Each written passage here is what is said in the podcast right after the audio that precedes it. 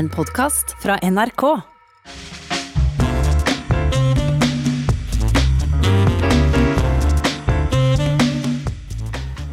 Ingen her til lands kan ha unngått å få med seg at det blir lederskifte i Frp på landsmøtet i eh, mai.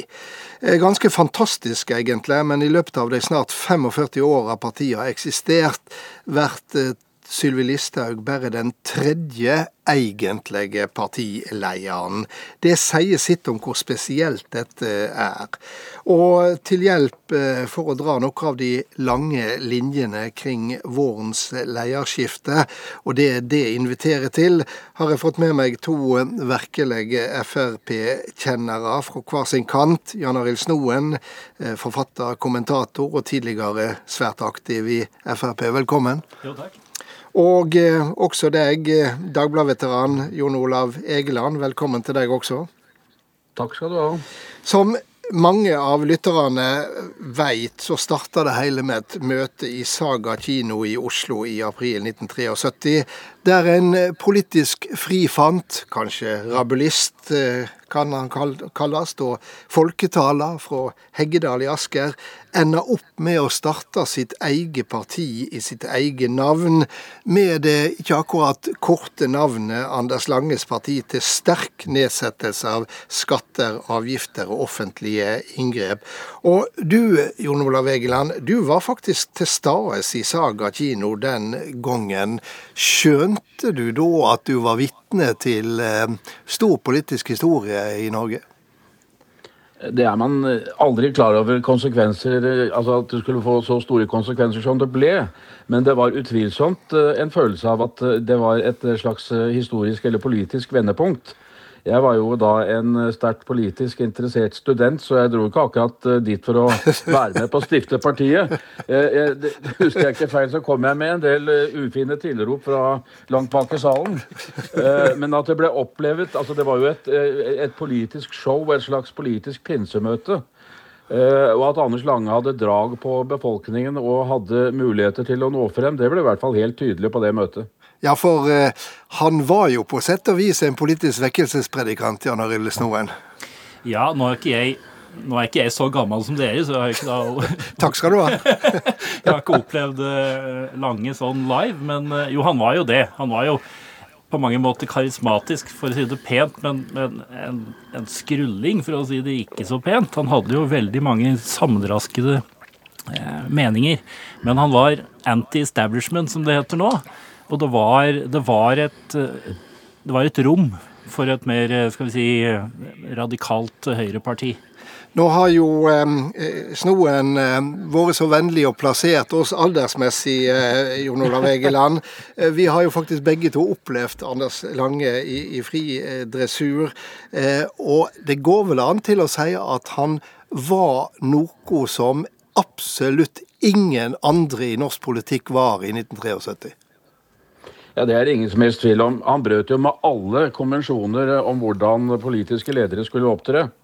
Jeg fulgte ham videre det samme året som jeg hadde mitt første sommervikariat i Dagbladets politiske avdeling. Der jeg var med på å dekke valgkampen hans. Eh, og den foregikk jo med slike innslag som han hadde med seg vikingsverd inn i TV-studio i debatter. Eh, jeg husker et folkemøte på, på Youngstorget hvor han drakk eggelikør direkte av flaska. Eh, det var i det hele tatt eh, Han gjorde alt for på en måte å bryte med konvensjonene. Eh, og anti-establishment, sies noen. Da syns jeg det er ganske interessant at dette skjer altså samtidig med at 68-opprøret er på sitt sterkeste i Norge. Altså oppryddet fra venstre. Så kommer det altså samtidig et oppbrudd fra høyre mot det du kan kalle Gerhardsens Norge. Um siden du nevnte eggelikørdrikkinga, så må det vel legges til eh, Jon Olav Egeland, at eh, Anders Lange understreker at det var for å rense stemmer. Og, og, det ble vel en sånn frihetsmarkør også, at han gjorde det ingen kunne tenke seg at politikere gjorde, nemlig tok en eh, slurk eh, eggelikør på, på talerstolen. Ja, Dette var jo helt klart innstudert. Eh, det var ikke fordi han var drikkfeldig. Eh, det var rett og slett for å vise at han eh, var en helt annerledes eh, politiker. Han ville være en folketribun, en som snakket for alle de som følte at politikerne ikke nådde frem til dem, eller som ikke snakket deres sak. Og da tok han jo i, i bruk alle de virkemidler som gjorde, som gjorde ham annerledes enn enn de andre politikerne. Som, og de husker at de var, sett med dagens øyne, utrolig grå, altså. Um vi må komme oss vekk fra Anders Lange, selv om det er utrolig fristende å bli, bli, bli værende i han. han. han. døde jo veldig brått av hjerteinfarkt eh, på vei hjem fra Stortinget bare året etter at eh, gjennombruddet kom og de fikk inn fire representanter eh, på Stortinget i 1973. Og som hans vararepresentant kom Carl I. Hagen på Stortinget. Og det er vel da veien mot dagens Fremskrittsparti begynner, Jan Arild Snoen? Ja, fordi det er da det, selv om Carl I. Hagen var en veldig dominerende partileder, så, så var jo det han gjorde et forsøk på å lage et, et, skikkelig et vanlig parti, kan du si. Selv om han også da tok med seg dette fra Anders Lange, at han var jo ikke politiker. Eh, Carl I. Hagen snakket alltid om politikerne som de andre. Mm. Eh, så det er, det er, noen linjer der. Men han, han, bygde opp et parti etter hvert med indre stridigheter i mange runder. Men i hvert fall noe som, som ble etter hvert ganske normalt, og særlig etter at han gikk av, så ble Frp et ganske vanlig parti, med noen unntak. Eh, Jon Olav Egeland, hvis jeg ikke tar feil, så var du den første journalist eh, som rykende fersk og som veldig ung som intervjua Carl I. Hagen for ei stor nasjonal avis, nemlig eh, Dagbladet. Ja, det stemmer. For eh, denne, denne, under denne valgkampen så uh, fant vi ut i Dagbladet at vi skulle intervjue uh, Anders Langes unge tilhengere. Lange drev en kennel. og Derfor så ble hans unge tilhengere gjerne kalt for hundegutter. Og En av disse hundeguttene som jeg var intervjuet, var da den meget unge Carl I. Hagen, som var en helt ukjent person og aldri hadde vært intervjuet av noe medium før, før dette skjedde. Uh, og Det interessante er at han sa noe ganske profetisk i det intervjuet, som også ble, ble tittelen på den. Han sa at vi skal ta oss av de svake arbeiderne. Uh, og med det så mente han vel, og det fikk han jo rett i, at de skulle prøve å gripe inn og, og få velgere fra den minst uh, politisk bevisste del av arbeider, arbeiderklassen. Altså de som ikke følte seg hjemme i arbeiderbevegelsen. Og det har jo holdt seg stikk til denne dag. En stor del av LOs medlemmer stemmer jo på Fremskrittspartiet. Ja, og der er vel noe av eh, genialiteten til en Carl I. Hagen. I 28 år var han leder, og akkurat å appellere til, eh, til den delen av befolkninga, eh, det var ikke gitt at et liberalistisk høyreparti skulle greie. Nei, og det har alltid vært, Frp har alltid vært en koalisjon av ulike retninger. Eh, Hagen også har svingt mellom å være mer ideologisk liberalist og å være mer skal vi si, fri, fri populist. Men denne appellen til eh, skal vi si, arbeiderklassen, det er altså Egeland snakker om 68-erne. Nixon gjorde jo noe av dette. Han fikk, eh, han fikk deler av arbeiderklassen over til det republikanske partiet fordi demokratene ble for mye 68-ere. Eh, og Det er nok noe av det samme her, men, men det varierer jo veldig den oppslutningen og appellen til arbeiderklassen, eh, som også oppslutningen til LO-medlemmer går veldig opp og ned. Altså Når det går veldig bra for Frp, så har de appell der, men det er ikke det som er kjerneappellen deres.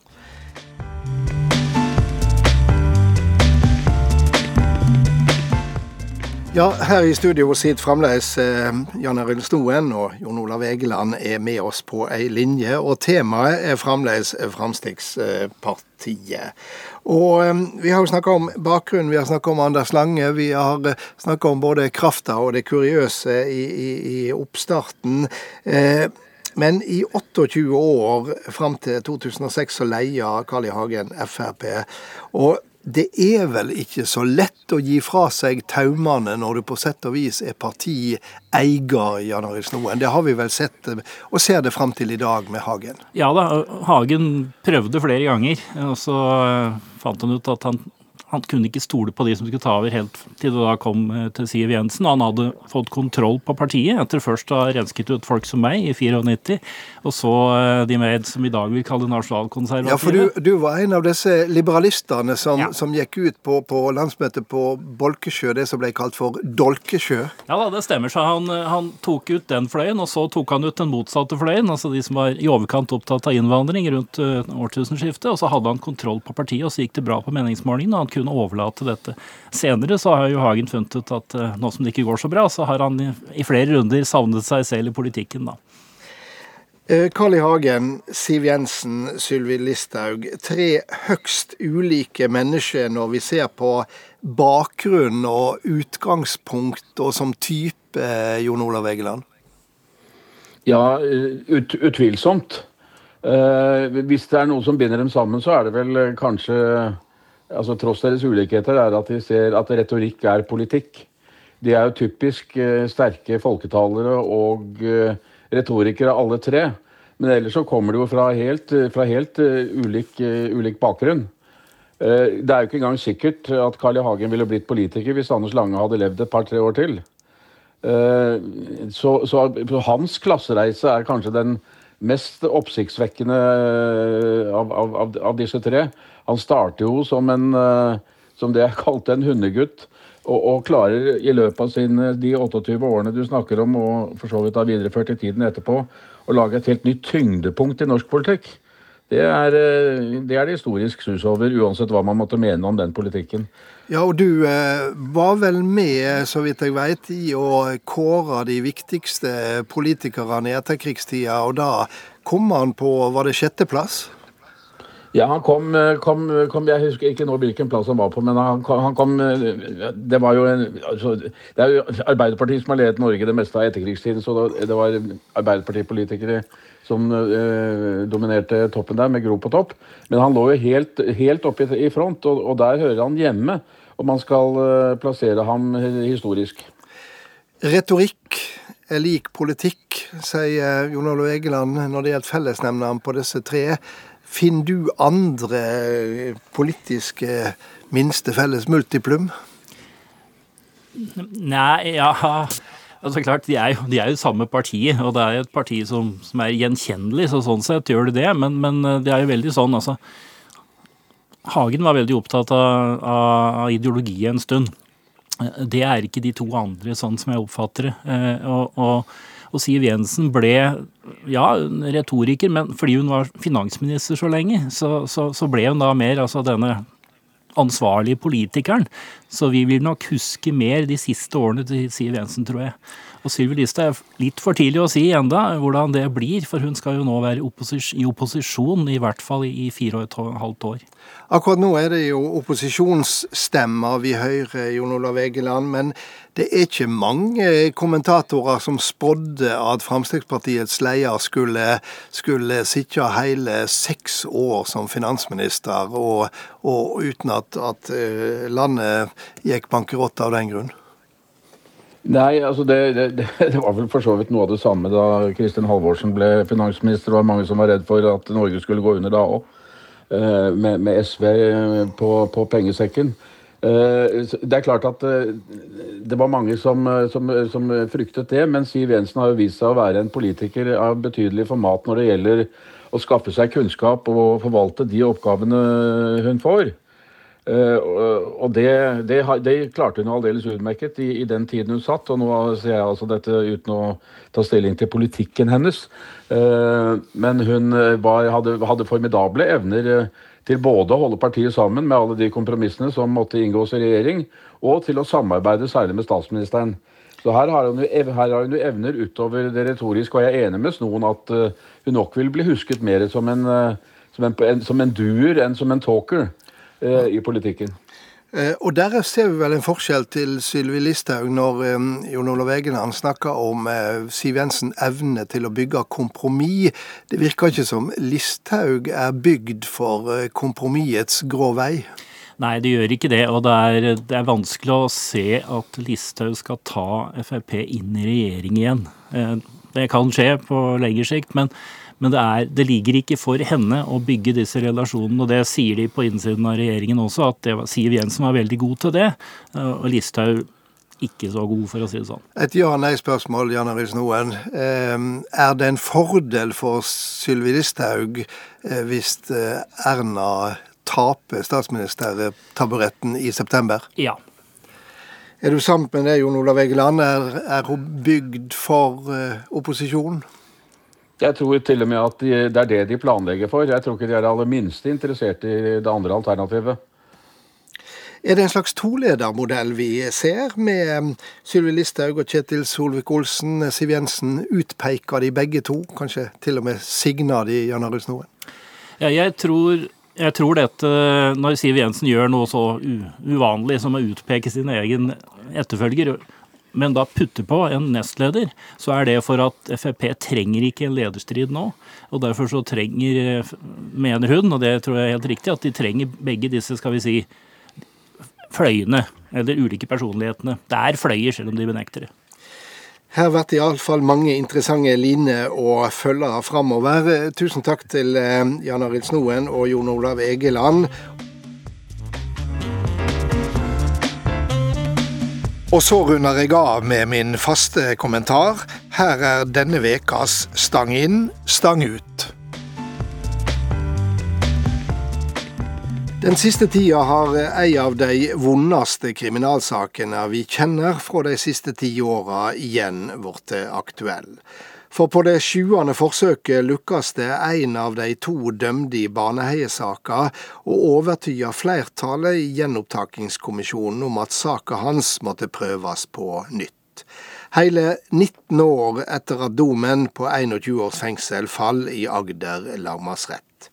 I Kristiansand er mange opprørte. Mange skjønner ikke at dette skal være naudsynt, og finner det urimelig at to familier og store deler av et lokalsamfunn enda en gang skal bli tvinga til å gjennomleve det vonde som skjedde da åtte år gamle Stine Sofie Sørstrønen og ti år gamle Lena Sløgedal Paulsen denne vakre maidagen i 2000 ble så brutalt voldtatt og drepne. Ikke noen av disse reaksjonene er vanskelig å skjønne, eller vanskelig å ha sympati med. Men derfor var det både godt og imponerende å se mødrene til de to jentene på Dagsrevyen, der de så verdig snakka om vona om at rettssystemet måtte gjøre jobben sin. Ingen kunne være i tvil om at de mente en ny dom i en ny sak burde følge i fotspora til den fra 2002, men det bar ikke agg til en kommisjon som har gjort sin del av jobben i rettstryggleikens tjeneste. For i diskusjonen rundt gjenopptakinga av Baneheia-saka kan det være på sin plass å minne om bakgrunnen for at vi fikk en gjenopptakingskommisjon her i landet. Den ble etablert etter de sterke reaksjonene som kom etter at flere justismord ble dokumentert og omsider erkjent av rettssamfunnet. Noen av oss husker fremdeles Perlinans lange kamp for rettsferd, og fremdeles gjør det vondt å tenke på samfunnsstebarnet Fritz Moens lagna dømd for to drap han umågelig kunne stå bak, så mange år i fengsel før han endelig vart reinvaska. Vi eh, så saker der etterforskere og påtalemakt held seg med et tunnelsyn de også fikk dommerne med på. Flere saker kunne vært nevnte, også saker der ny vitenskapelig innsikt gav grunnlag for å ta dem opp igjen, og da ender de gjerne med frifinning. Gjenopptakingskommisjonen har helt siden 2003 vært en sikkerhetsventil for og i rettsstaten. Den ble som sagt etablert etter oppgjøret med skammelige rettsskandaler, men har funnet sin viktige plass i et samfunn som bør verdsette alt som kan bygge ut rettstryggleiken vår. Så er det ikke noe frifinning gjenopptakingskommisjonen denne gangen har kommet med. Det er ikke mandatet. Nei, mandatet til kommisjonen er å åpne for en ny prøving med nye augo, også om resultatet kan verta det samme som sist. God helg.